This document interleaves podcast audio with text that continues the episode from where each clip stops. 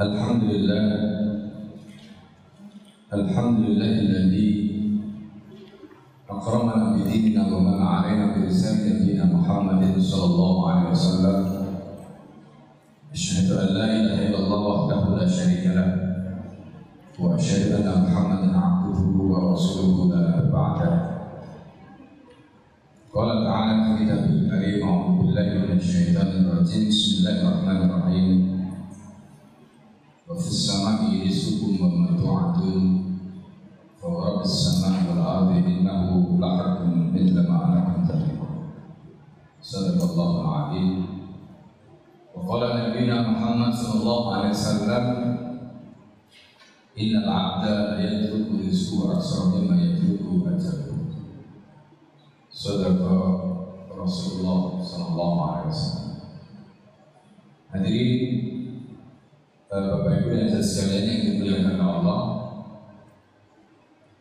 pada siang hari ini kita memasuki kajian kita ada dunia waktu yang kelima.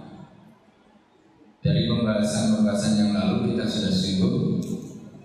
Pembahasan yang pertama kita membahas tentang fadhailul aql. Keutamaan akal. Bagaimana akal itu menjadikan manusia diberikan keistimewaan oleh Allah taala. Kemudian yang kedua kita membahas tentang dalil hawa yaitu bagaimana hawa nafsu itu harusnya kita manage dan jangan sampai kemudian kita ditaklukkan oleh hawa nafsu. Karena itu hawa nafsu di dalam pembahasan dalil hawa nafsu yang dicela atau hawa nafsu yang dicela ini ini jangan sampai memperbudak kita sehingga kita menjadi bahaya, menjadi hewan. Pembahasan yang ketiga kita membahas tentang uh, ilmu, tentang keutamaan ilmu, dan kemudian yang keempat kita telah membahas tentang ilmu apa yang kita harus cari dari pembahasan yang keempat, kita masuk pembahasan yang kelima, yaitu apa hubungannya antara ilmu dengan rezeki. Nah ini menarik. Dan nanti bagian belakang bicara tentang adab, bagaimana cara kita sebagai talibul ilm, orang yang mencari ilmu, agar kita tidak salah. Mulai dari niatnya ditata dan seterusnya. Ya. Nah, yang menarik dalam pembahasan kali ini kita akan membahas tentang hubungan antara ilmu dan rezeki. Saya ingin sampaikan, rezeki itu makna asalnya diambil dari kata rozako ya rizqan yang artinya akto yukti yakto. Ya, jadi akto yukti yakto. Nah, jadi akto yukti yakto itu artinya memberi dan rezeki itu artinya adalah pemberian. Rezeki itu artinya adalah pemberian. Nah, ketika kita bicara tentang rezeki, rezeki itu sebagai pemberian. Jadi ketika kita bicara tentang rezeki, bahwa rezeki itu sebagai pemberian. Nah, dalam konteks ini kita sering menganggap seolah-olah rezeki itu punya korelasi dengan ilmu. Rezeki itu punya korelasi dengan keahlian kita, seolah itu. Ya maka kalau kita lihat banyak orang belajar dapat ijazah, kemudian eh, mereka berpikirnya setelah belajar dapat ijazah berkorelasi dengan rezekinya seolah-olah padahal antara belajar mencari ilmu itu satu aspek, sedangkan rezeki adalah aspek lain. Nah, sekarang di mana posisi rezeki itu sebenarnya dalam konteks ini? Nah, jadi sekarang ketika kita bicara tentang rezeki, di mana rezeki itu maknanya adalah pemberian. Jadi rizki itu maknanya adalah pemberian. Apa saja yang Allah berikan pada kita itu rizki. Ada kecantikan, ada yang mungkin kebetulan yang dapat rezeki wajah pas-pasan itu rezeki ilmu kemudian apa namanya e, katakanlah tidak punya ilmu yang itu juga bagian dari rezeki. Ya, bagian dari rezeki kemudian rezeki itu juga tidak identik dengan materi. Rezeki itu tidak identik dengan materi. Karena itu ketika kita mendapatkan rezeki dari Allah Subhanahu wa taala kesalahan kita selama ini adalah seolah-olah karena rezeki itu materi. Akibatnya kemudian semua kita hidup dengan logika matematika. Itu misalnya terus kita juga selama ini punya pemahaman bahwa rezeki itu didapatkan karena hukum sababiyah jadi misalnya kalau kita bekerja, kita ingin dapat rezeki ya kita bekerja. Kalau kita nggak ingin dapat rezeki ya nggak bekerja. Jadi seolah-olah rezeki itu karena pekerjaan kita. Padahal ayat Al-Quran tadi dalam surat Al-Dariyah tadi Allah mengatakan bahwa sama irisu rezeki kamu itu di langit. Artinya apa? Yang menentukan rezeki kita itu Allah. Ya. Yang menentukan rezeki kita itu Allah. Bahwa sama irisu kumbabantuan. Ya. Kemudian Allah mengatakan bahwa sama wal arti demi Tuhan langit dan bumi innahu lahaqqun rizki kamu yang di langit itu pasti. Misalnya anak tadi seperti kamu bicara dengan mulut kamu. Itu gambaran rezeki. Nah kalau kita memahami rezeki seperti itu, ya, maka rezeki itu sebenarnya tidak ditentukan oleh kelulusan kita, oleh ijazah kita. Nah, di sini nanti dijelaskan oleh para ulama ya antara hubungan antara rezeki dengan ilmu itu apakah ada relasinya Lakin dari bil jiddi wal haddi la bil ilmi wal kata Mawardi rezeki itu memang terkait dengan kesungguhan ada orang yang sungguh-sungguh mendapatkan, ada orang yang sungguh-sungguh berikhtiar. Wal hati hati itu maksudnya bagian dapat jatah. Ya, ada orang yang memang mendapatkan bagian rezekinya banyak karena Allah berikan banyak. Kalau dalam surat Asyura itu Allah menyatakan walakin yunazzilu bi qadri Jadi rezeki itu di langit. Ya, rezeki itu di langit. Karena rezeki itu di langit, maka kata Allah, walakin yunazzilu biqadari mayasha. Ya. Jadi Allah itu sebenarnya yang menurunkan rizki dengan kadar yang Allah kendaki. Gitu. Jadi Allah yang menurunkan rizki dengan kadar yang Allah kendaki. Itu yang dimaksud di dalam ayat tadi. Walakin yunazzilu biqadari mayasha. Tetapi rizki itu diturunkan oleh Allah sesuai dengan kadar yang Allah kendaki. Jadi yang mengendaki kadar rezeki itu banyak dan sedikit itu bukan pekerjaan kita, bukan ikhtiar kita tapi Allah. Itu poinnya. Makanya di situ Al-Mawardi menggunakan ungkapan wal haddi, artinya haddi itu jatah yang Allah berikan pada kita, bukan karena ikhtiar kita semata-mata. Kita boleh saja bekerja 24 jam kalau memang jatah rezeki kita dari Allah itu enggak banyak. Makanya Allah menyatakan dalam ayat yang lain, "Innallaha yabsutur rizqa lima yasha wa yaktir." Allah itu melapangkan rizki siapa saja yang Allah kendaki wayakdir dan Allah yang menyempitkan. Jadi berarti apa? Urusan memperluas, melapangkan, menyempitkan itu urusannya Allah. Anda mau bekerja berapa banyak pun kalau Allah nggak melapangkan tetap aja. Anda bekerja biasa pun kalau Allah melapangkan maka rizki itu akan itu yang disebut dengan al-had. Al-had itu bagian yang Allah berikan. Ada faktor jid, kesungguhan, tapi ada faktor bagian yang Allah berikan. Nah itu, ya. Karena itu di sini disebutkanlah bil ilmi wal akli yang menentukan rezeki bukan ilmu, bukan akal. Kenapa? Seperti itu, maka Al-Mawardi mengatakan itu merupakan hikmatun minallah. Itu merupakan kebijaksanaan Allah. Coba bayangkan kalau orang itu pinter dan karena kepintarannya itu maka kemudian rezeki dia banyak, maka itu ya orang kemudian akhirnya nanti yang nggak pinter jadi masalah. Ya kan? Maka Allah Subhanahu wa taala punya kebijaksanaan, punya hikmah.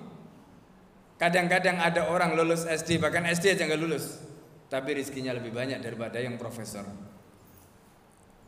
Ya kan? Bahkan yang menarik nanti banyak ulama-ulama itu yang miskin. Padahal ulama itu masya Allah ilmunya luar biasa. Ya dulu biha ala kudratihi dengan seperti itu Allah itu ingin menunjukkan kekuasaannya barizki di tangan Allah bukan karena ilmu barizki di tangan Allah bukan karena ikhtiar kita. Ya, nah itu. Wa ijra'il umur ala masyiatihi dan kemudian perkara itu berjalan sesuai dengan masyiahnya Allah. Jadi rizki itu yabsutu rizqa lima yasha tadi innallaha yabsutu rizqa lima yasha wa yaktir artinya melapangkan dan menyempitkan Allah. Maka para ulama para ahli hikmah mengatakan di situ disebutkan waqad qalatil hukam ala jaratil aksam ala qadril ukul. Ahli hikmah mengatakan seandainya rizki itu dibagi karena akal ya apa kata? Lam taish al bahaimu binatang tidak akan hidup. Kenapa binatang tidak hidup? Karena binatang itu nggak punya akal binatang nggak punya ilmu. Kalau seandainya rizki itu diberikan karena akal, rizki diberikan karena il, ilmu. Yang karena binatang nggak punya ilmu, binatang nggak punya akal, pasti binatang nggak akan bisa hidup. Jadi rizki bukan karena ilmu, rizki bukan karena akal. Ya. Nah itulah maha kuasanya Allah. Ala anal ilma wal akla sa'adatun wa ikbalun. Tetapi bukan berarti Kemudian kalau rizki itu nggak ada korelasinya dengan ilmu dan akal tadi, bukan berarti kemudian wah kalau begitu jadi orang bodoh saja nggak perlu belajar, jadi orang bodoh saja nggak perlu punya ilmu, bukan begitu. Di sini dijelaskan ala anal ilma wal akla saadatun. Jadi ilmu dan akal itu saadah. Ilmu dan akal itu adalah sumber kebahagiaan. Wa ikbalun ya. Artinya Orang itu kalau punya ilmu, orang itu kalau punya akal yang sempurna, maka dia akan menemukan kebahagiaan dengan ilmunya. Dia akan menemukan kebahagiaan dengan akalnya tadi. Ya. Termasuk dia akan diterima wa in mal meskipun mungkin dia miskin. Ya. Boleh jadi orang alim tadi itu miskin, hartanya tidak banyak, tapi karena ilmunya maka kemudian dia dimuliakan. Itu yang disebut bahwa itu yang mendatangkan saadah itu yang mendatangkan iqbal orang bisa menghormati dia bisa menerima dia bisa mengapresiasi dia meskipun dia mungkin biasa. Wadaqat anhumal hal dan boleh jadi orang yang punya ilmu itu keadaannya sempit. Itu yang kita lihat karena mungkin warok mungkin zuhud. Sehingga dia mungkin hidupnya ya jangankan pakai alpat ya kan? Pakai mobil saja mungkin dia jenis mobil yang ya mobil mobil apa namanya tua ya. Tapi bukan di situ letak saada kebahagiaan bukan di situ wal jahlu wal hamku hirmanan wa idbarun wa in kathura mal mal kadang-kadang kebodohan ya jadi kadang-kadang kebodohan itu di situ disebutkan kebodohan itu ya itu adalah merupakan kesulitan dan ditinggalkan meski dengan banyak harta. Orang itu boleh jadi hartanya banyak, tapi kalau dia bodoh, orang nggak suka. Ya, orang nggak suka. Meski pada saat yang sama dia keadaannya lapang, orang tidak suka. Karena kebodohan itu tetap membuat orang itu nggak dihormati. Nggak ada orang pengen bodoh, nggak ada. Tapi orang yang punya ilmu meskipun dia katakanlah hartanya tidak banyak, hidupnya mungkin serba pas-pasan tetap. Ya. Apalagi hidup ini adalah pilihan. Ya, banyak sahabat Nabi. Saya ingin cerita sedikit ya kisah seorang Abu Darda. Abu Darda itu masya Allah ya, hidupnya itu boleh dibilang kekurangan. Di Madinah pun beliau ketika zaman Umar bin Khattab itu hidupnya kekurangan Sampai sama Sayyidina Umar dia suatu ketika minta izin ketika Umar menjadi khalifah. Ini sahabat Nabi, sahabat senior. Minta izin pada Umar, "Ya Amirul Mukminin," katanya, "A'din li an akhruja minal Madinah." Izinkan aku meninggalkan Madinah. Kemudian apa kata Amirul Mukminin? Ya, adinulaka anta'mala. Aku mengizinkan kamu tapi dengan catatan kamu bekerja. Maksudnya dengan harapan bekerja itu supaya dia bisa mendapatkan maisha yang lebih baik, hidupnya meningkat dan seterusnya. Kemudian kata dia tidak, kata Abu Darda tidak. Ya. Ini u'allimun nasa sunnatan Nabi. Aku akan keluar meninggalkan Madinah untuk mengajarkan sunnah Nabi ini kepada mereka. Katanya. Saya tidak bekerja. Kata Sina Umar, ya kata Sina Umar kalau begitu jangan kamu di sini saja. Akhirnya Abu Darda ini tetap berangkat meninggalkan Madinah menuju ke Syam. Ya, di dalam riwayat dalam kitab Hayatus Sahabat disebutkan kemudian beliau berangkat ke Syam. Satu tahun kemudian Umar baru sempat datang ke Syam dan di Syam ketika itu ya gubernurnya adalah Muawiyah termasuk pejabatnya itu adalah keluarga Muawiyah. Nah Umar bin Khattab ketika menjadi khalifah itu menginspeksi mereka. Bagaimana caranya? Di waktu malam Umar bin Khattab baru masuk ke Syam. Karena tidak ingin pejabat-pejabat itu tahu Umar datang. Maka waktu malam baru dia masuk ke Syam. Begitu malam masuk ke Syam, maka Umar bin Khattab kemudian akhirnya masuk bersama e, pembantunya ke rumah Yazid bin Muawiyah. Begitu masuk di rumah Yazid bin Muawiyah, dilihat tamu ruang tamunya pakai lampu, ada apa namanya?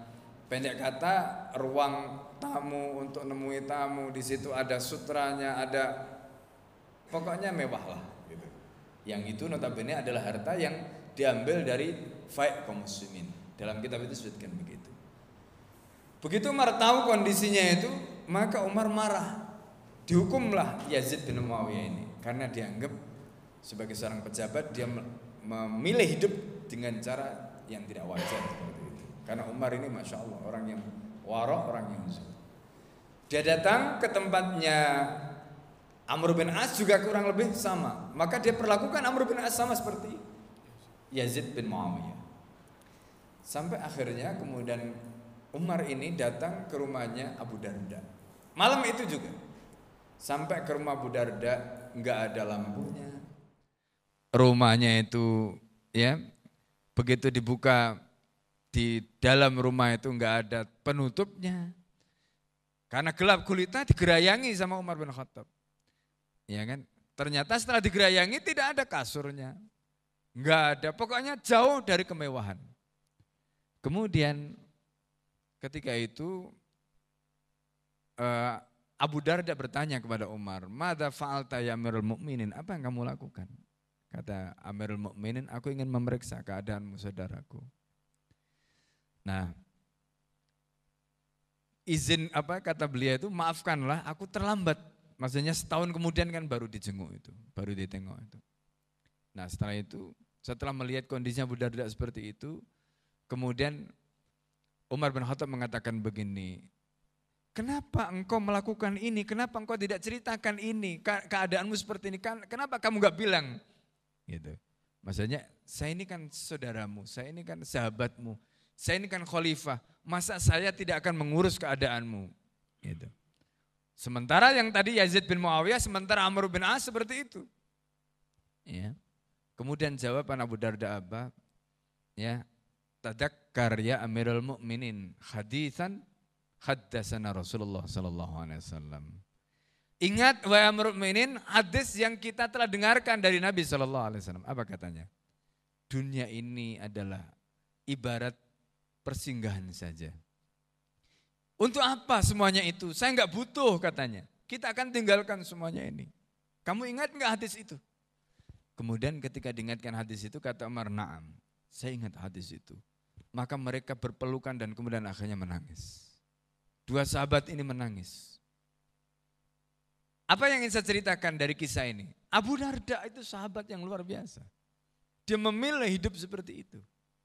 Hidupnya ya mulai dari Madinah tadi yang kita ceritakan Umar izinkan kalau dia bekerja tapi ternyata dia di Syam dia tidak melakukan itu dan dia sibuk mengajari orang dengan sunnah Nabi, mengajarkan Al-Quran kepada mereka.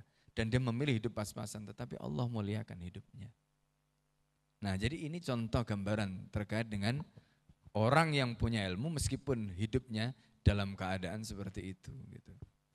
Nah, karena itu ya di sini disebutkan ya di sini disebutkan wattasa'at fiha wa in kasura ma'ahmal mal fiha fihi mal hal meskipun keadaan orang yang bodoh tadi itu keadaannya uh, lapang li anas sa'ada laisa mal karena kebahagiaan itu bukan karena harta yang banyak. Fakam min muktirin sakiyin, berapa banyak orang yang hartanya banyak tetapi hidupnya menderita. Wa mukillin sa'idin dan berapa banyak orang yang hidupnya pas-pasan, bahkan kekurangan tapi dia bahagianya Masya Allah. Contohnya tadi itu seperti Abu Darda itu, kisah Abu Darda itu luar biasa. Ya, kisah yang apa namanya menginspirasi kita.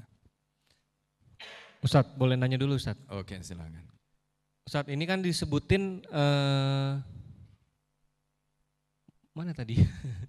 oh ini ya. Rizki didapat karena kesungguhan. Nah ini kesungguhan apa Ustaz? Ikhtiar, doa dan apa Ustaz? Ya. Uh, mungkin kalimatnya, kalimatnya itu mengatakan bil jiddi, tetapi ini ini logika hukum sababiyah sebenarnya. Tadi saya sudah sampaikan, memang tidak persis seperti itu. Ketika rizki itu didapatkan dengan kesungguhan maknanya, orang itu ketika dia dalam kondisi kesulitan, seperti cerita Umar dengan Abu Darda tadi, perintahnya itu kan kamu bekerja. Karena dari bekerja itu, kalau dalam ayat Al-Quran itu kan perintahnya itu wa idza sholatu fantashiru. Kalau sudah selesai salat Jumat fantashiru, bertebaran. Nah, untuk apa bertebaran? Supaya kita bisa mencari rizki. Karena dari situ nanti kita akan bisa mendapatkan. Terlepas kemudian ketika mencari tadi belum tentu juga dapat. Karena jaminan yang bisa memastikan rizki itu didapat itu apa? Allah. Bukan karena usahanya itu. Tetapi ketika dia melakukan usaha tadi, usaha itu tentu harus dilakukan dengan sungguh-sungguh. Itu maksudnya. Ya, usaha itu harus dilakukan sungguh-sungguh. Dan Allah Subhanahu wa taala ya, Allah Subhanahu wa taala itu memang memberikan rizki kepada kita. Itu sesuai dengan kadar yang Allah kendaki. Ya, dan Allah memberikan rezeki tidak tidak selalu berbanding lurus dengan ikhtiar kesungguhan ikhtiar kita belum tentu. Tetapi kesungguhan kita itu dinilai oleh Allah. Ada pahalanya di situ, ada catatannya di situ. Itu poinnya sebenarnya. Walaupun tidak berhubungan dengan rezeki yang akan dikasih. Walaupun tidak ada hubungannya dengan kalau dia sungguh-sungguh maka dia pasti nanti rezekinya banyak, belum tentu. Gitu, ya. belum tentu. Tetapi ini bagian dari hukum ikhtiar. Hukum ikhtiar. Karena hukum ikhtiar itu tetap harus sungguh-sungguh. Gitu. Ya. Kalau tadi Ustadz kan disebutkan Allah itu melapangkan dan mempersempit iya. rezeki. Ya. Jadi apakah memang kita sudah ditaker rezeki, mm -hmm. tapi ada hak prerogatif Allah tuh yang mm -hmm. untuk lebih melampang, melapangkan mm -hmm. atau mempersep, mempersepit itu pun hak prerogatifnya Allah yeah. gitu. Apakah karena itu memang e, kuasa Allah atau memang ada hubungannya dengan perbuatan apa yang kita lakukan di dunia Ustaz? Jadi rizki itu pertama ya, rizki itu yang jelas di tangan Allah. Dasarnya surat Ad-Dariyat tadi, wa fis sama'i rizkukum wa ma tu'adun. Jadi rizki kamu di langit. Wa fis sama'i rizkukum wa ma tu'adun. Jadi rizki kamu di langit, wa ma tu'adun dan apa yang dijanjikan pada kamu. Itu semua di langit. Ya. Apa artinya? Berarti rizki itu sebenarnya bukan urusan manusia. Rizki tidak ada hubungannya dengan bos, rizki tidak ada hubungannya dengan atasan, dengan bawahan, tidak ada. Tapi rizki itu biadillah. Ya. Saya mungkin pernah cerita tentang kisah orang Badui. Ketika orang Badui itu dibacakan ayat ini, jadi ceritanya begini, ada orang Badui, cerita ini masyur sekali. Orang Badui itu, orang Badui maksudnya orang Arab ya, jadi orang Badui itu ketemu Al-Asma'i. Al-Asma'i ini ulama terkenal. Ahli nahu, ahli bahasa. Ketemu, kemudian orang ini ketemu. Nah, habis sholat asar begitu. Jadi orang Badui ini mengatakan, Man anta anak Asma'i katanya. Siapa kamu saya Asma'i? Asma'i. Jadi dia kaget ini Asma'i ulama yang terkenal itu. Kata dia, naam anak Asma'i. Min aina anta? Jitu min baitir rahman yutla fi ayatul rahman. Aku datang dari rumahnya Allah, di situ dibacakan surat ya dibacakan ayatnya Allah. Kemudian orang Badui itu mengatakan, "Idzan akri'ni mayutla min ayatir rahman." Bacakan kepadaku apa yang dibacakan dari ayatnya Allah tadi. Dibacakanlah surat Ad-Dariyat mulai ayat pertama sampai ayat tadi. Begitu sampai ayat wafis sama iriskukum wa tu'adun. Dan rizki kamu ada di langit, serta apa yang dijanjikan pada kamu itu ada di langit. Apa yang terjadi? Orang Badui ini bereaksi yang tidak diduga oleh Al-Asma'i. Karena orang Badui itu memahami ayat itu begitu luar biasa. Dia punya harta, hartanya langsung dibelikan makanan, hartanya langsung dibelanjakan, dibagi-bagi. Asma'i kaget ketika melihat orang Badui ini. Kok begitu rupa orang Badui ini? Ditanya, maka ya Arabi, apa yang menjadikan kamu begini wahai orang Badui katanya. Asma itu kaget. Orang ini mendapatkan ayat Al-Quran itu reaksinya begitu. Apa jawaban dia? Jawaban dia begini. Apa yang aku takutkan? Bukankah tadi Anda membacakan wafis sama iriskukum, rizki kamu ada di langit. Yang di tanganku ini bukan rizki kita. Artinya ini bu, bukan ini rizki kita. Rizki kita itu ada di langit. Kalau rizki kita itu di langit, kalau rizki itu dijanjikan Allah di langit, apa yang aku takutkan katanya. Semua hartanya dibagikan habis. Subhanallah. Asma'i sampai geleng-geleng kepala. Kenapa? Karena Asma ini ulama besar. Ahli. Ya, ahli bahasa, ahli apa namanya? Artinya beliau itu menguasai tapi tidak memiliki pemahaman seperti orang Badui tadi. Ketika orang Badui itu mendapatkan ya ayat tadi itu ketika disampaikan oleh Asma'i tadi. Nah ini contoh yang luar biasa. Nah yang lebih menarik lagi, beberapa tahun kemudian Asma itu naik haji dengan Harun al-Rashid, khalifah. Nah ketika Asma itu naik haji bersama Harun al-Rashid, pada saat tawaf itu ketemu orang Badui itu lagi. Ya kan, ketemu orang Badui itu lagi. Nah ketika ketemu orang Badui itu, orang Badui itu ingat, anta asmai, nama ana asmai. Wa anta arabi, nama ana arabi. Ya jadi kamu orang Badui yang dulu ketemu saya itu, iya betul. Kata orang Badui itu, kalau begitu kamu kan waktu itu membacakan saya ayat Al-Quran sampai di situ. Wafis sama irisku mamatu antun. Kemudian kata dia, lanjutkan ayat berikutnya. Bacakan ayat berikutnya, apa bunyinya? Kemudian ayat itu dibacakan Fawarabbis sama'i wal ardi innahu lahakun mislama anakum tantikun. Demi Tuhan langit dan bumi. Innahu lahakun sesungguhnya rizki yang dijanjikan oleh Allah di langit dan apa dijanjikan di langit tadi itu? Lahakon itu pasti mislama anakum tantikun seperti kamu ngomong dengan mulut kamu. Ketika orang Badui itu mendengarkan itu dan ayat itu dibacakan sampai ke telinga dan hatinya orang Badui itu. Orang Badui itu terpukul sekali. Kenapa orang Badui itu terpukul sekali? Karena dia merasa ketika ayat sebelumnya itu dibacakan dia sudah berikan apa yang Allah minta. Rizki itu kan ada di langit. Apa yang dijanjikan oleh Allah itu ada di langit. Begitu dia sudah lakukan apa yang Allah minta tadi. Kenapa Allah masih bersumpah dengan mengatakan fawarabis sama'i wal ardi innahu lahaqqun mithla ma anakum tantikun. Jadi seolah-olah apa yang dilakukan oleh orang Badui itu belum cukup untuk Allah, belum cukup bagi Allah. Sampai orang Badui mengatakan, apa yang membuat Allah sampai masih harus bersumpah seperti ini? Belumkah cukup dengan apa yang aku sudah berikan? Akhirnya orang Badui itu pingsan dan wafat seketika itu. Ya. Jadi ini di sini ini, ada orang, orang Badui enggak? Enggak ada.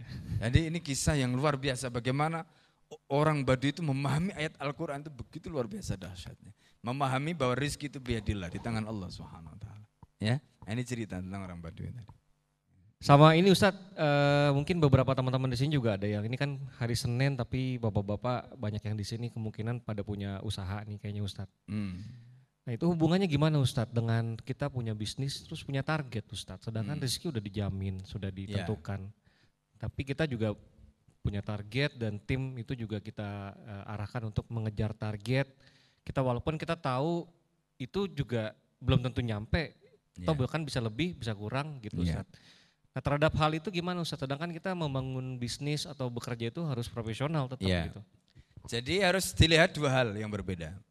Rizki yang goib, rizki yang di langit itu urusannya Allah. Ya, rizki yang goib, rizki yang di langit itu urusannya Allah. Dan saya ingin ingatkan di sini, rizki itu ada yang dohir, ada yang goib.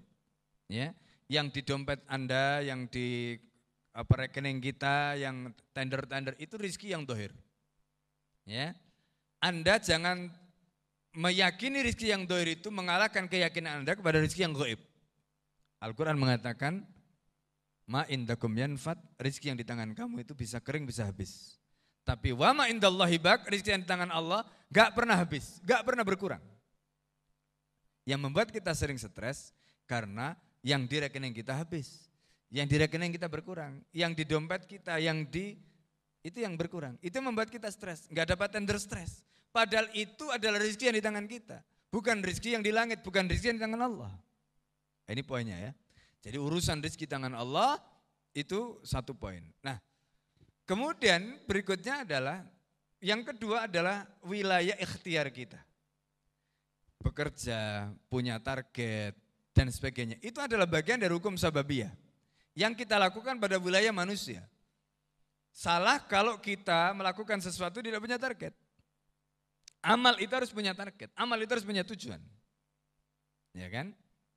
Kalau kita melakukan amal tidak punya target, tidak punya tujuan, maka pasti amal kita sia-sia. Jadi supaya amal kita tidak sia-sia harus punya target, harus punya tujuan. Tetapi jangan lupa target tujuan tadi itu meskipun kita sudah buat sedemikian rupa, penentunya itu bukan kita. Nah itu, penentunya itu bukan kita. Ya, Anda boleh membuat sedemikian langkah yang canggih, tetapi jangan lupa Anda harus tawakal kepada Allah. Nah makanya di sini titik temu antara ikhtiar dengan langit tadi itu ditawakal. Maka dalam pembahasan sebelumnya saya sudah singgung, lau annakum tawakaltum 'alallahi haqqa tawakkuli la razaqakumullah kama yarzuqut tayr. Ya. Kalau kamu tawakal kepada Allah 100% tawakalmu, maka Allah akan memberikan rizki kepada kamu sebagaimana Allah memberikan rizki kepada burung. Yaghdu yaghdu battona ya yaghdu khamasa wa ya'udu battona maaf yaghdu ya khamasa wa ya'udu battona burung itu ketika pagi berangkat dalam keadaan perutnya kosong dan kembali dalam keadaan perutnya ken kenyang. Sekarang pertanyaannya burung itu sekolah enggak burung itu ke training enggak burung itu punya ilmu tidak? Burung punya akal tidak? Tidak punya. Tetapi Allah janjikan kepada mereka melalui Rasulullah SAW tadi Bahkan yang menarik begini, ada satu kisah, ya bukan bukan kisah, ada satu fakta. Anda tahu tidak, burung gagak itu, burung gagak itu. Burung gagak itu kalau dia punya telur, telurnya menetas, anaknya baru keluar dari telur itu, bau mulutnya luar biasa. Sampai induknya sendiri tidak mau ngasih makan sama anaknya tadi, karena saking baunya mulutnya itu. Bagaimana caranya Allah menjamin rizki burung yang baru menetas tadi? Caranya Allah adalah Allah datangkan ulat yang memang suka busuk. Ya kan? Allah datangkan ulat yang suka busuk. Masuk ke mulutnya. Itulah keadilannya Allah Subhanahu wa taala. Ya, ini contoh. Nah, karena itu titik temu antara ikhtiar dengan rizki yang di langit itu ada pada tawakal tadi. Jadi ketika kita tahu rizki itu di tangan Allah dan rizki yang goib itu memang di tangan Allah, sedangkan kita ini wajib ikhtiar, maka jangan lupa antum harus tawakal kepada Allah. Karena itu kunci tawakal, tawakal menjadi kunci. Kunci yang akan menentukan berapa banyak rizki antum yang akan Allah berikan. Itu bergantung pada tawakal antum kepada Allah Subhanahu wa taala. Semakin kuat tawakal kita kepada Allah, maka tawakal itu menjadi sebab datangnya rizki. Karena tawakal itu adalah titik temu tadi antara iradahnya Allah, masya'anya Allah dengan ikhtiar kita.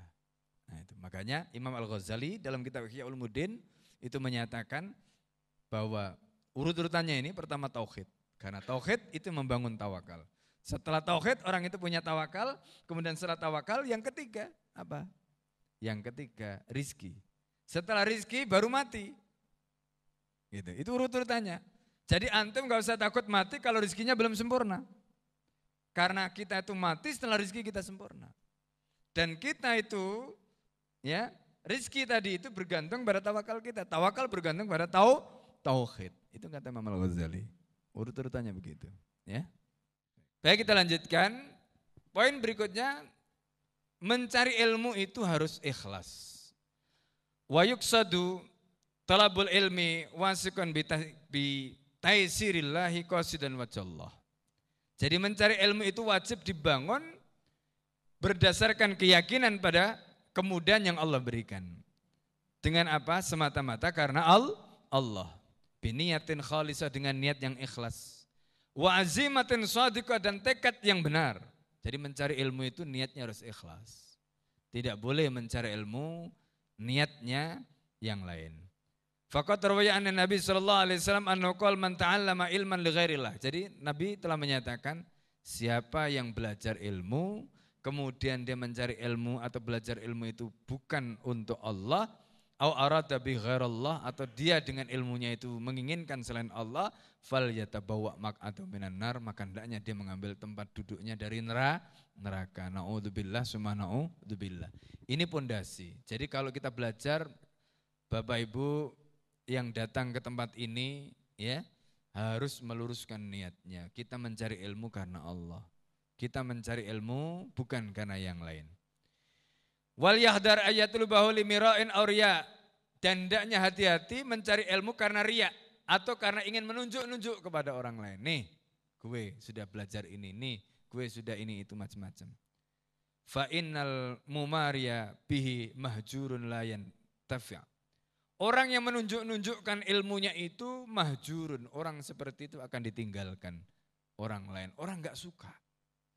Makanya coba lihat, orang alim tapi dia sombong, orang alim kemudian dia menunjuk-nunjuk ilmunya, kira-kira orang suka enggak?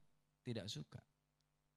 Sebaliknya orang yang alim tapi dia tawadu, maka orang itu akan disukai. Nah ini, ya. Wal muraiya bihi mahkurun la yartafi'. Jadi orang yang menunjuk-nunjukkan ilmunya itu biasanya mahkurun artinya dia dihinakan. Layar tafi. Dia tidak akan pernah naik levelnya. Dia tidak akan pernah menjadi terhormat. Warwi anan Nabi Shallallahu Alaihi Wasallam la ta'allamul ilma litumaru bi as-sufaha. Kamu jangan belajar ilmu supaya dengan ilmu itu kamu bisa nunjukkan kepada orang bodoh. Bahkan kepada orang bodoh pun tidak boleh. Wala ta'allamul ilma litujadilu bil ulama. Kamu juga jangan belajar ilmu untuk mendebat para ulama. Enggak boleh juga. Ya. Faman fa'ala dzalika minkum fannara annara kata Nabi. Siapa di antara kalian yang melakukan itu belajar untuk ya tadi itu mendebat ulama, belajar untuk katakanlah tadi menunjuk-nunjukkan kepada orang yang bodoh sekalipun. Itu kata Nabi annaro annaro. Ya, tempatnya adalah neraka. Naudzubillah, summa naudzubillah. Nah, kemudian ya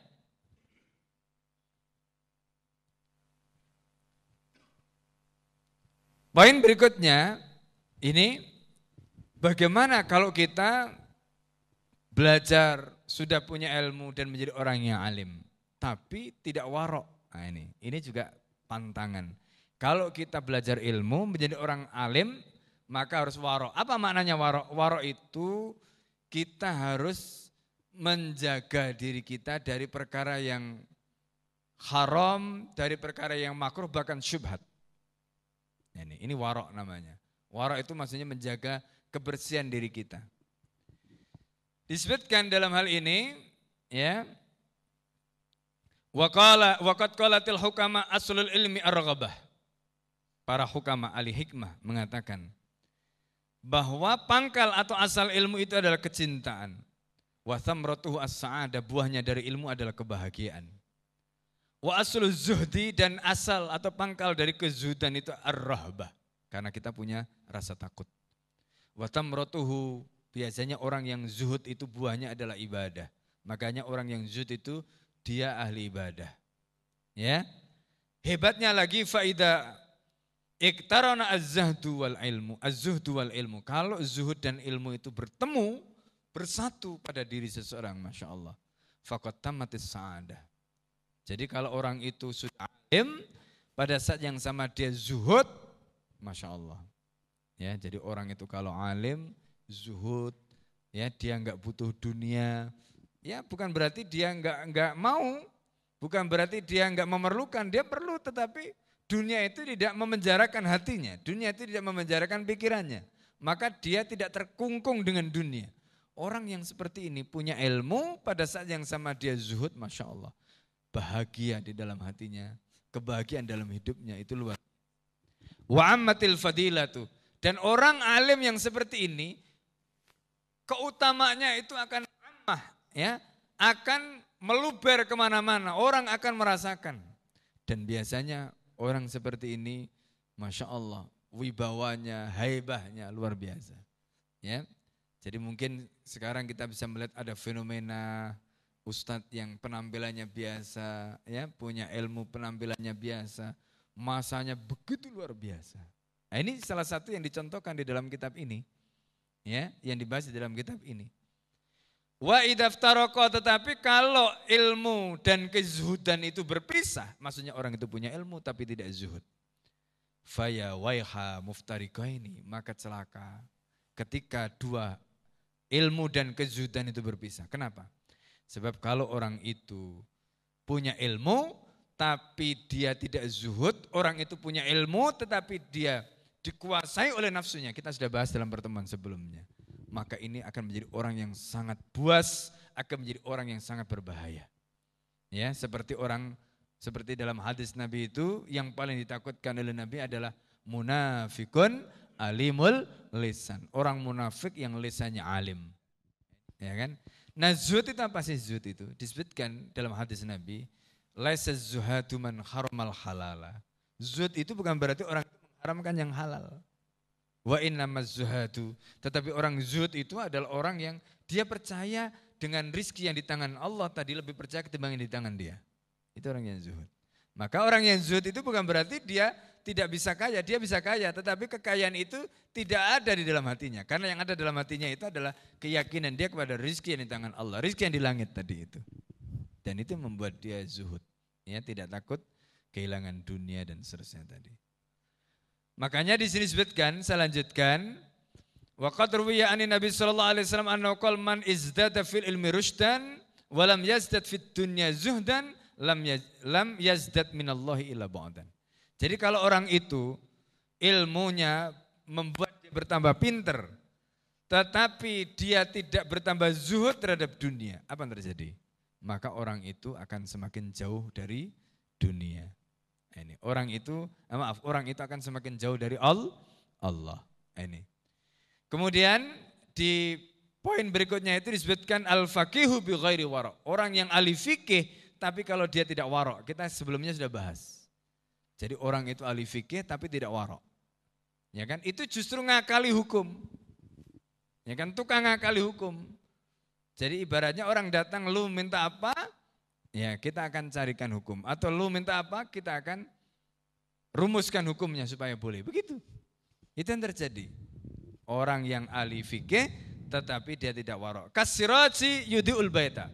Itu seperti lampu bisa menerangi rumah. Seperti lilin, dia bisa menerangi rumah, tetapi dia membakar dirinya sendiri.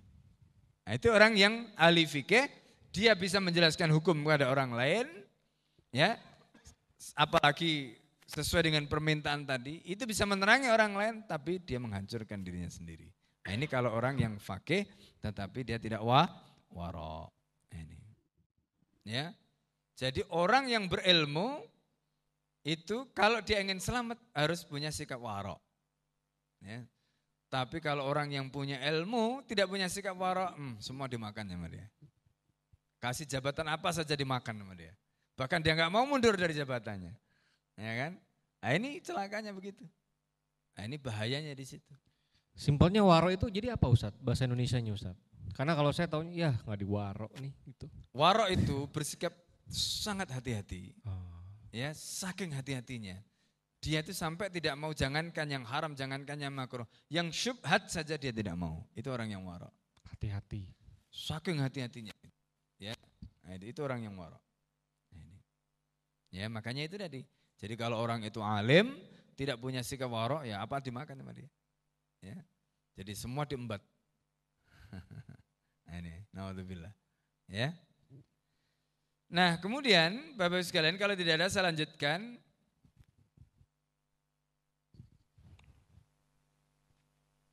Jadi berikutnya adalah ketika kita belajar, ini juga bagian dari adab dalam belajar. Orang belajar itu tidak boleh malu meskipun kita sudah berumur. Kadang-kadang kan begini ya. Oh, kita itu ketika belajar kita malu. Maka di sini disebutkan wa min asbabit taksiri aidan ayyaghful ani ta'allumi Kadang-kadang orang itu karena dulu waktu kecil nggak mau belajar, akhirnya sampai dewasa dia bodoh. Begitu sudah dewasa dia bodoh, summa yastagil bihi fil ya, fil kabir. Ketika dia dewasa dia baru sibuk mencari ilmu, Terus fayastahi ayab tadi abima ayab tadi abis sogir.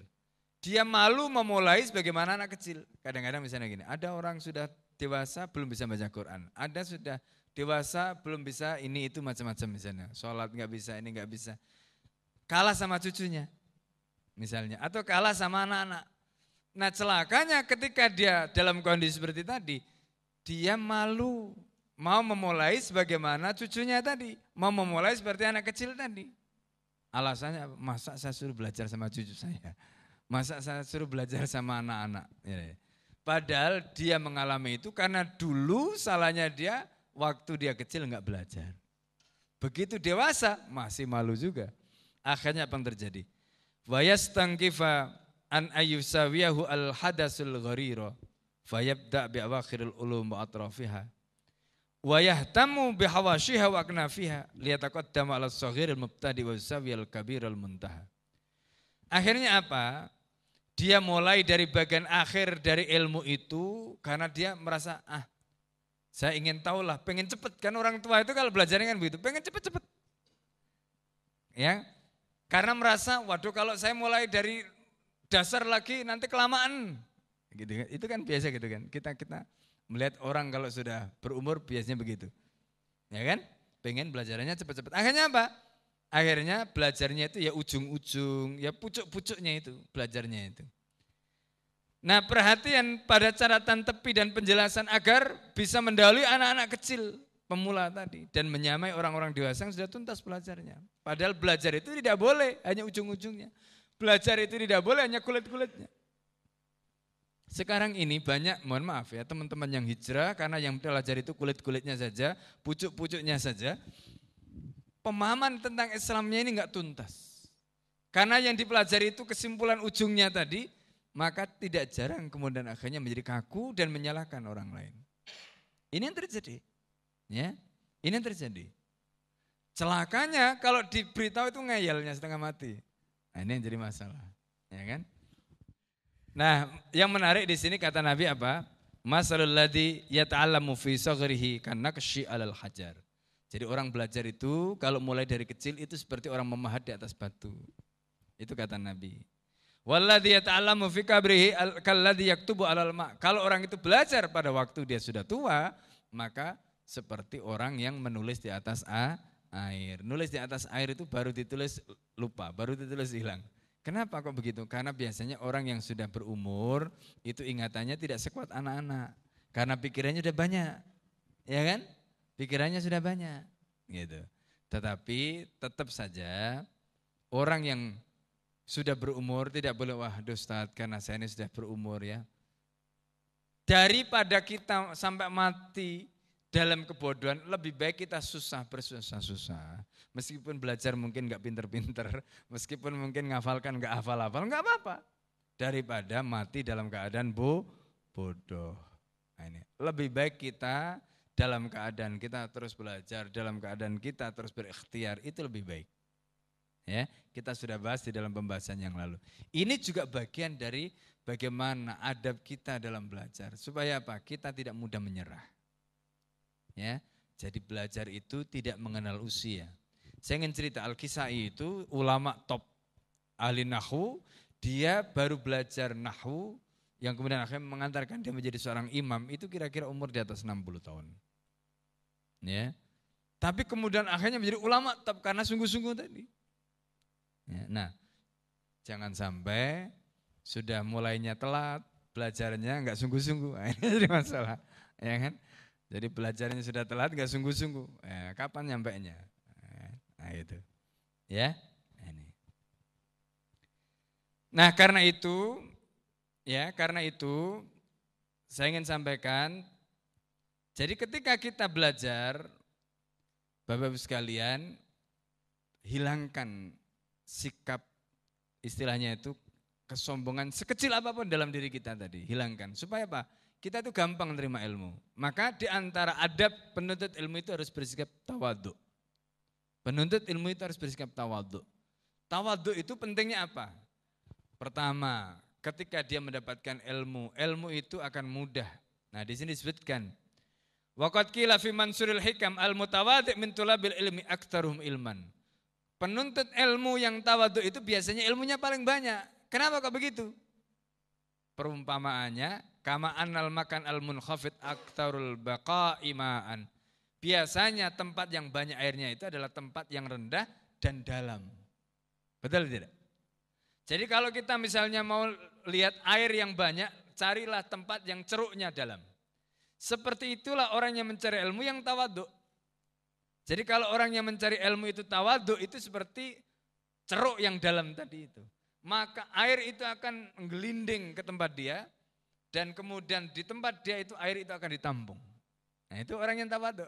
Tapi kalau orang itu mencari ilmu arogan, orang itu mencari ilmu sombong, diberitahu, oh ya saya sudah tahu, oh ya saya sudah tahu, oh ya sudah. Ah, sudah ilmunya mental semua. Ya kan? Ilmunya mental semua. Nah ini yang jadi masalah.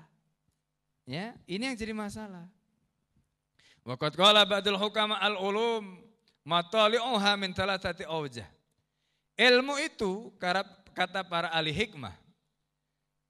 Sumbernya itu tiga. Apa? Kolbun mufakir. Pertama, hati hati yang biasa digunakan untuk mikir. Jadi kalau orang itu mendapatkan sesuatu, dipikirkan, direnungkan, itu akan menjadikan ilmu itu menjadi kuat. Dicerna istilahnya gitu. Ya. Walisanun mu'abbir, kemudian dia menggunakan lesanya untuk mengungkapkan, mengekspresikan. Makanya kata Sayyidina Ali, al ilmu yazku bil infak. Ilmu itu akan bertambah kalau kita infakkan. Bagaimana menginfakkan ilmu? Dengan kita ajarkan, dengan kita sampaikan. Itu namanya menginfakkan ilmu. Itu.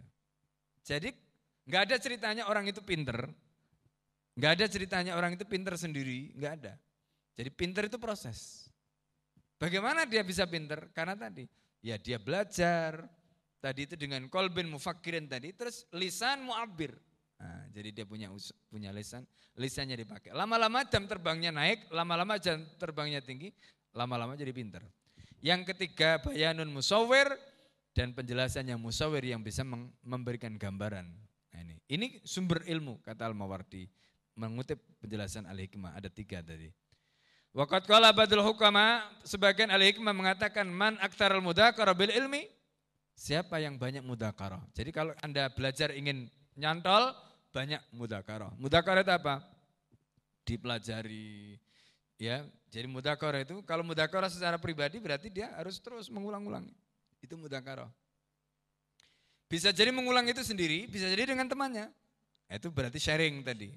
Ya, mudakarah dengan temannya itu berarti sharing. Ya kan?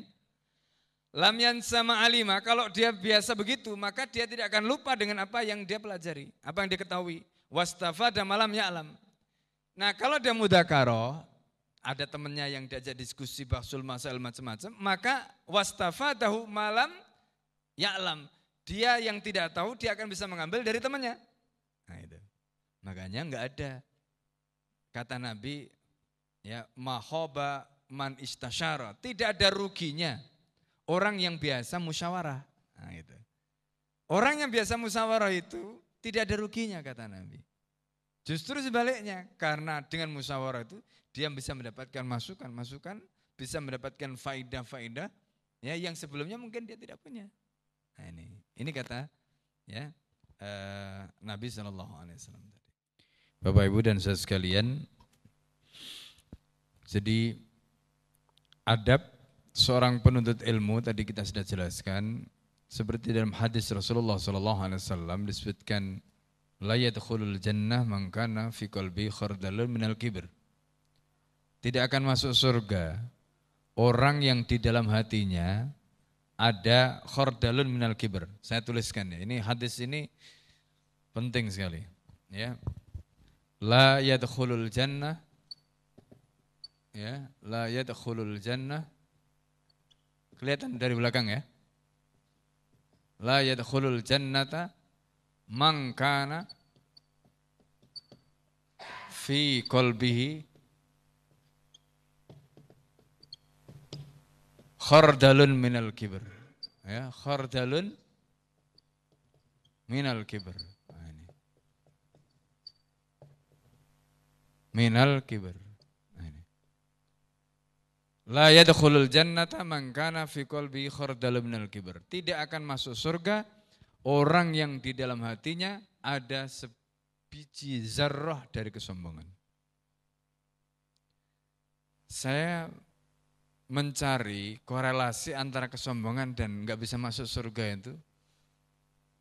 Pada kesimpulan orang yang sombong, kenapa dia tidak bisa masuk surga? Apa hubungannya dengan dolalah, kesesatan, apa bunganya dengan ilmu tadi itu. Jadi kalau kita pikir orang yang sombong, karena sikap sombong itu menutup hati seseorang untuk menerima kebenaran.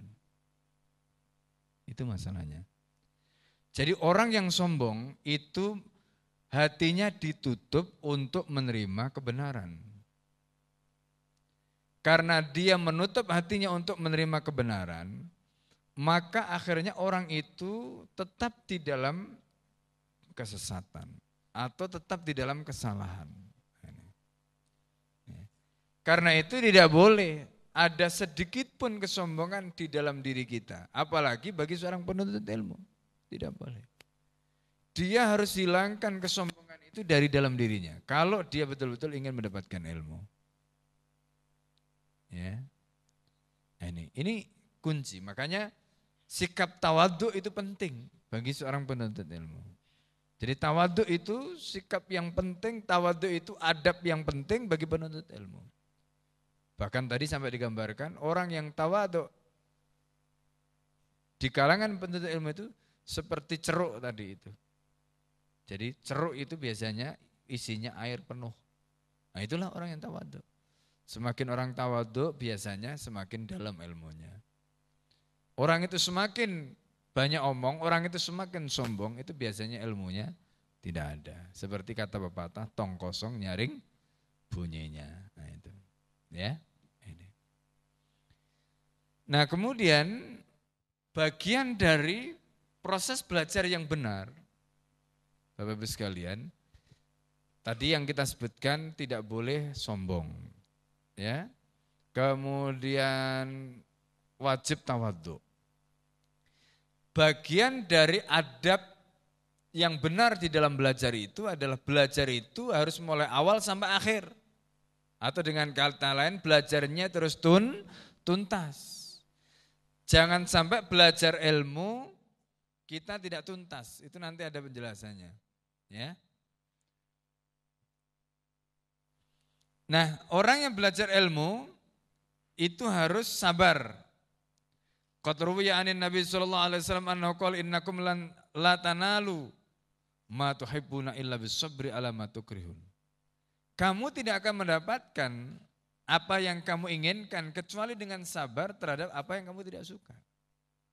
Belajar itu kita sukai tidak? Belajar itu kan melelahkan. Tapi dengan kita sabar terhadap belajar yang melelahkan itu, maka kita akan mendapatkan sesuatu yang kita inginkan. Apa? Ilmu.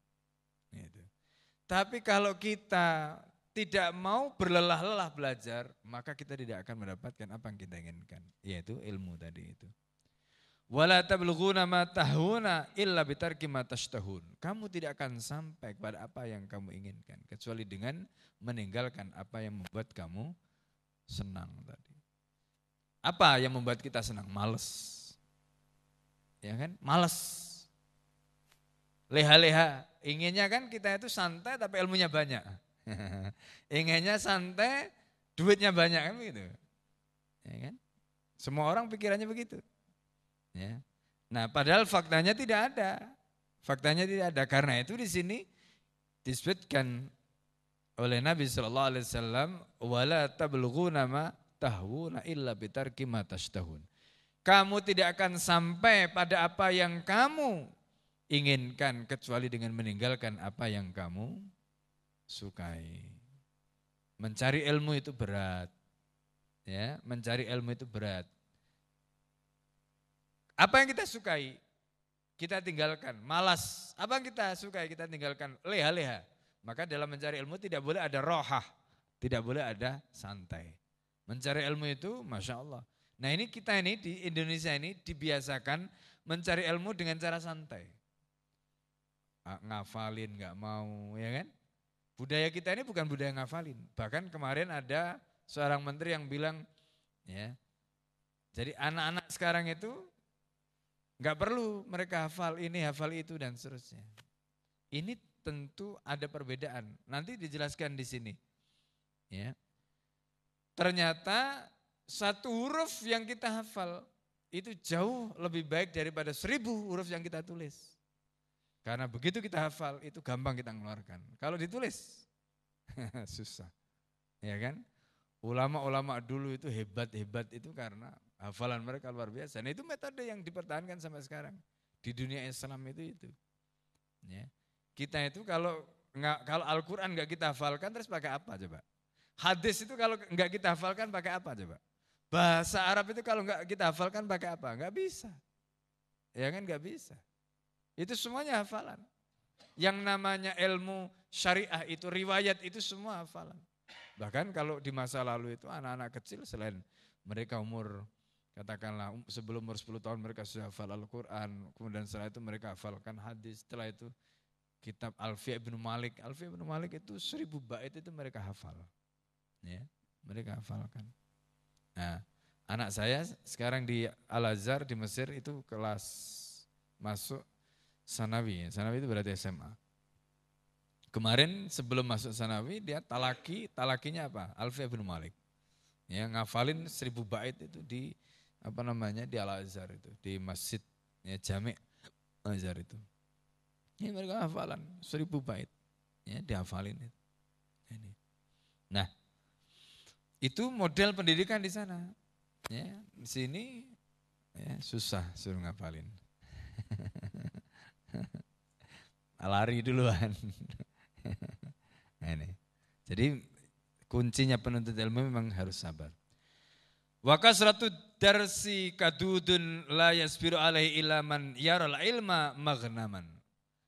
Ya, banyak belajar itu memang melelahkan, betul.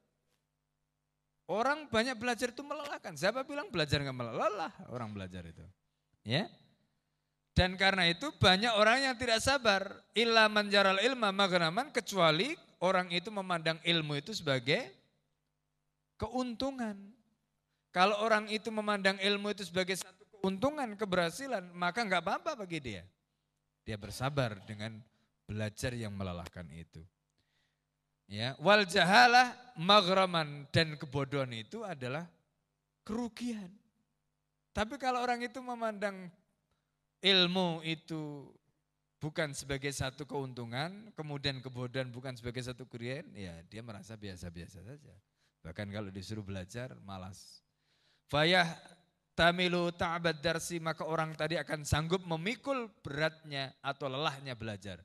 Liyudrika rohatal ilm supaya dia bisa mendapatkan rohah nyamannya ilmu tadi, nikmatnya ilmu tadi. Watan tafi'anhu ma'arratul jahl dan dia akan terhindar dari buruknya kebodohan. Jadi orang itu makanya kalau kita perhatikan ya, orang itu menuntut ilmu itu kalau dia serius, maka tidak ada kata rohah, kata istirahat dalam menuntut ilmu, enggak ada.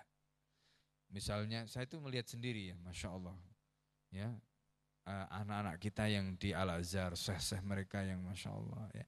Ada yang ngajar, uh, jadi saya ikut talaki di di Mesir di Al Azhar itu, ya, yang pasti mereka sudah bisa baca Arab semua ya kan, bisa baca bisa bahasa Arab semua bisa. Jadi kitab gini nggak ada yang diterjemahin, baca terus, yang awal sampai akhir. Jadi satu kitab itu, ya satu membaca itu sekali orang bisa membaca itu cepat sekali bacanya. Ya, dibaca di hadapan gurunya. Dan yang lebih hebat lagi, syekhnya itu ternyata ketika dia ngajar di situ, rumahnya itu jauh karena istiqomahnya, karena luar biasanya tadi itu, beliau sanggup jam 7 tet itu sudah sampai di situ. Dan itu enggak ada yang bayar, Masya Allah. Terus sudah gitu saya ini juga sedang ujian doktoral coba. Jadi dia masih ngisi talaki itu. Ya, kalau kita kira-kira ya kan? Nah, ini pelajaran penting saya lihat. Saya banyak belajar dari situ, masya Allah, keikhlasan. Ya ulama-ulama di Al Azhar itu luar biasa. Dari sisi itu, masya Allah. Ya, kesungguhan mereka menyampaikan ilmu. Ya, orang sudah sepuh-sepuh, yang belajar juga begitu di Masjid Al Azhar itu, masya Allah. Ya, luar biasa. Nah ini pelajaran. Maka kalau kita lihat di dalam sejarah Masjid Al Azhar dari Masjid Al Azhar itu ada orang sekelas Ibnu Khaldun lahir dari situ. Ada orang sekelas Ibnu Hajar Al-Asqalani lahir dari situ. Ada orang sekelas Ibnu Hajar Al-Hitami lahir dari situ. Ada orang sekelas Imam Asyuti lahir dari situ. Itu karena tadi itu kesungguhan ulama-ulama yang menghasilkan mereka. Termasuk juga kesungguhan dari para penuntut ilmunya tadi. Ya, kita ini maunya instan. Kalau belajar yang lama-lama nggak mau, maunya yang cepat sudah begitu pakai selat-selatnya minta ringkes sekali. Jadi ilmunya yang didapat ya ringkesan itu. Ya kan? Ilmunya yang didapat ya ringkesan itu. Ya. Nah ini yang ini itu yang tadi makanya kita disinggung oleh Al-Mawardi tadi itu ya karena apa sikap tergesa-gesa ingin cepat cepat cepat cepat cepat tadi itu. Maka kemudian beliau katakan fa inna nailal adima bi amrin adim. Kalau kita ingin mendapatkan keagungan harus melakukan perkara yang agung. Apa itu? Ingin dapat ilmu yang agung kita harus melakukan perjuangan yang berat. Jangan pengen mendapatkan ilmu yang agung tapi nggak mau melakukan perkara yang agung. Kan begitu logikanya. Ya kan? Nggak ada ceritanya orang mendapatkan kemuliaan nggak melakukan sesuatu yang mulia. Tidak ada orang yang mendapatkan perkara yang agung, kemudian dia melakukan sesuatu yang hina, enggak ada. Dia harus melakukan sesuatu yang agung, sampai dia mendapatkan keagungan itu. Jadi kalau kita itu katakanlah berdasarkan kadar yang kita inginkan, itulah yang akan kita dapatkan. Kita juga akan mendapatkan roha, kesenangan, sesuai dengan kadar kesulitan, sesuai dengan kadar apa namanya beratnya upaya yang kita sudah lakukan. Jadi di dalam mencari ilmu itu tadi sudah disebutkan berat dengan menghafal. Meskipun itu berat tetap harus kita lakukan. Tetapi tidak boleh sekedar hafal. Ya, harus paham, itu penting. Hafal saja tidak cukup, harus paham. Itu juga bagian dari adab, bagian dari proses pembelajaran yang harus kita lakukan. Ya. Jadi makanya sabar itu penting. Dari sabar itulah maka kemudian kita bisa nahan diri kita yang tidak sabar tadi mau menghafal, mau ini, mau itu. Warubbama uniyal muta'allimu bil hifdi min ghairi tasawurin wala fahmin. Terkadang orang itu belajar memberi perhatian pada menghafal tanpa mengerti dan paham. Hatta yasira hafidan li alfadil ma'ani qayyiman bitilawatiha wa huwa la yatasawwaraha. Dia hafal lafaz dengan maknanya, menghargai bacaannya tapi tidak bisa menggambarkannya, tidak bisa mengerti kandungannya. Nauzubillah, enggak boleh juga. Jadi, wala yafamu ma. Dia tidak memahami apa yang terkandung di dalamnya. Seperti tempo hari ada yang jadi ditanya ada anak hafal Quran tapi ditanya apa maknanya enggak ngerti. Ya. Hafalannya bagus, tetapi mestinya tidak cukup dengan menghafal, tapi harus disertai memahami isinya. Yarwi bi ghairi rawiyah wa yukhbir an ghairi khibrah. Jadi meriwayatkan kulit tanpa isi, memberitahukan tanpa keahlian. Dia seperti kitab yang tidak bisa menyingkirkan syubhat dan bisa meneguhkan hujjah. Fahuwa kal kitabil ladzi la yadfa'u subhatan wa la yu'ayyidu hujjatan. Jadi orang itu kalau hafal tapi dia tidak mengerti isinya, maka dia bisa ngomong tapi dia tidak bisa menjadikan itu sebagai hujah karena tidak bisa menjadi sandaran. Nah, ini. Waqat Nabi sallallahu alaihi wasallam anhu qala himmatul sufahi ar-riwayah.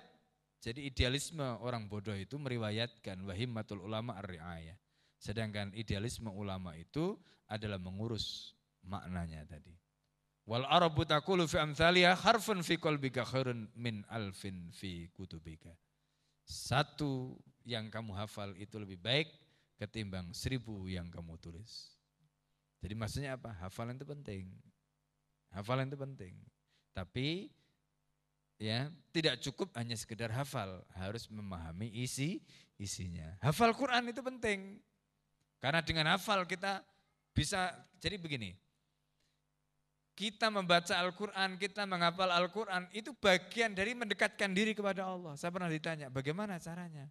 Supaya kita menghafalkan Al-Quran itu, kemudian membuat kita itu semangat, membuat kita ini tidak bosan membuat. Itu kuncinya, lakukanlah itu sebagai bentuk takorup mendekatkan diri kepada Allah. Ibnu Qayyim al-Jauziyah itu memasukkan Al-Quran mendekatkan diri kepada Allah yang paling nomor satu itu adalah dengan cara apa? Mendekatkan diri kepada Allah dengan Al-Quran. Dengan apa? Membacanya. Dengan apa? Menghafalnya. Dengan apa? Memahami maknanya. Melaksanakan hukum-hukumnya. Itu caranya. Cara mendekatkan diri pada Allah. Itu nomor satu. Yaitu dengan melalui Al-Quran. Al Tapi itu tadi kuncinya kita membaca, kemudian kita uh, menghafal, kita memahami maknanya, kemudian kita melaksanakan isinya. Itu kuncinya agar kita bisa dekat dengan yang memiliki kalam tadi, Allah Subhanahu wa taala. Jadi ketika kita hafal, mami maknanya gampang kita mengeluarkan. Maka tadi disebutkan harfun fi qalbika khairun min alfin fi kutubika. Kalau satu di dalam hati kita, gampang kita ngeluarkan. Itu lebih gampang ketimbang seribu di dalam tulisan. Seribu di dalam tulisan harus nyari, nyari, nyari, susah. Tapi satu dalam hati kita, begitu kita keluarkan langsung keluar. Nah itu makanya hafalan itu lebih baik. ya Dan hafalan di dalam hati itu lebih baik daripada hafal di dalam ki kitab. Nah, itu. Ya, baik.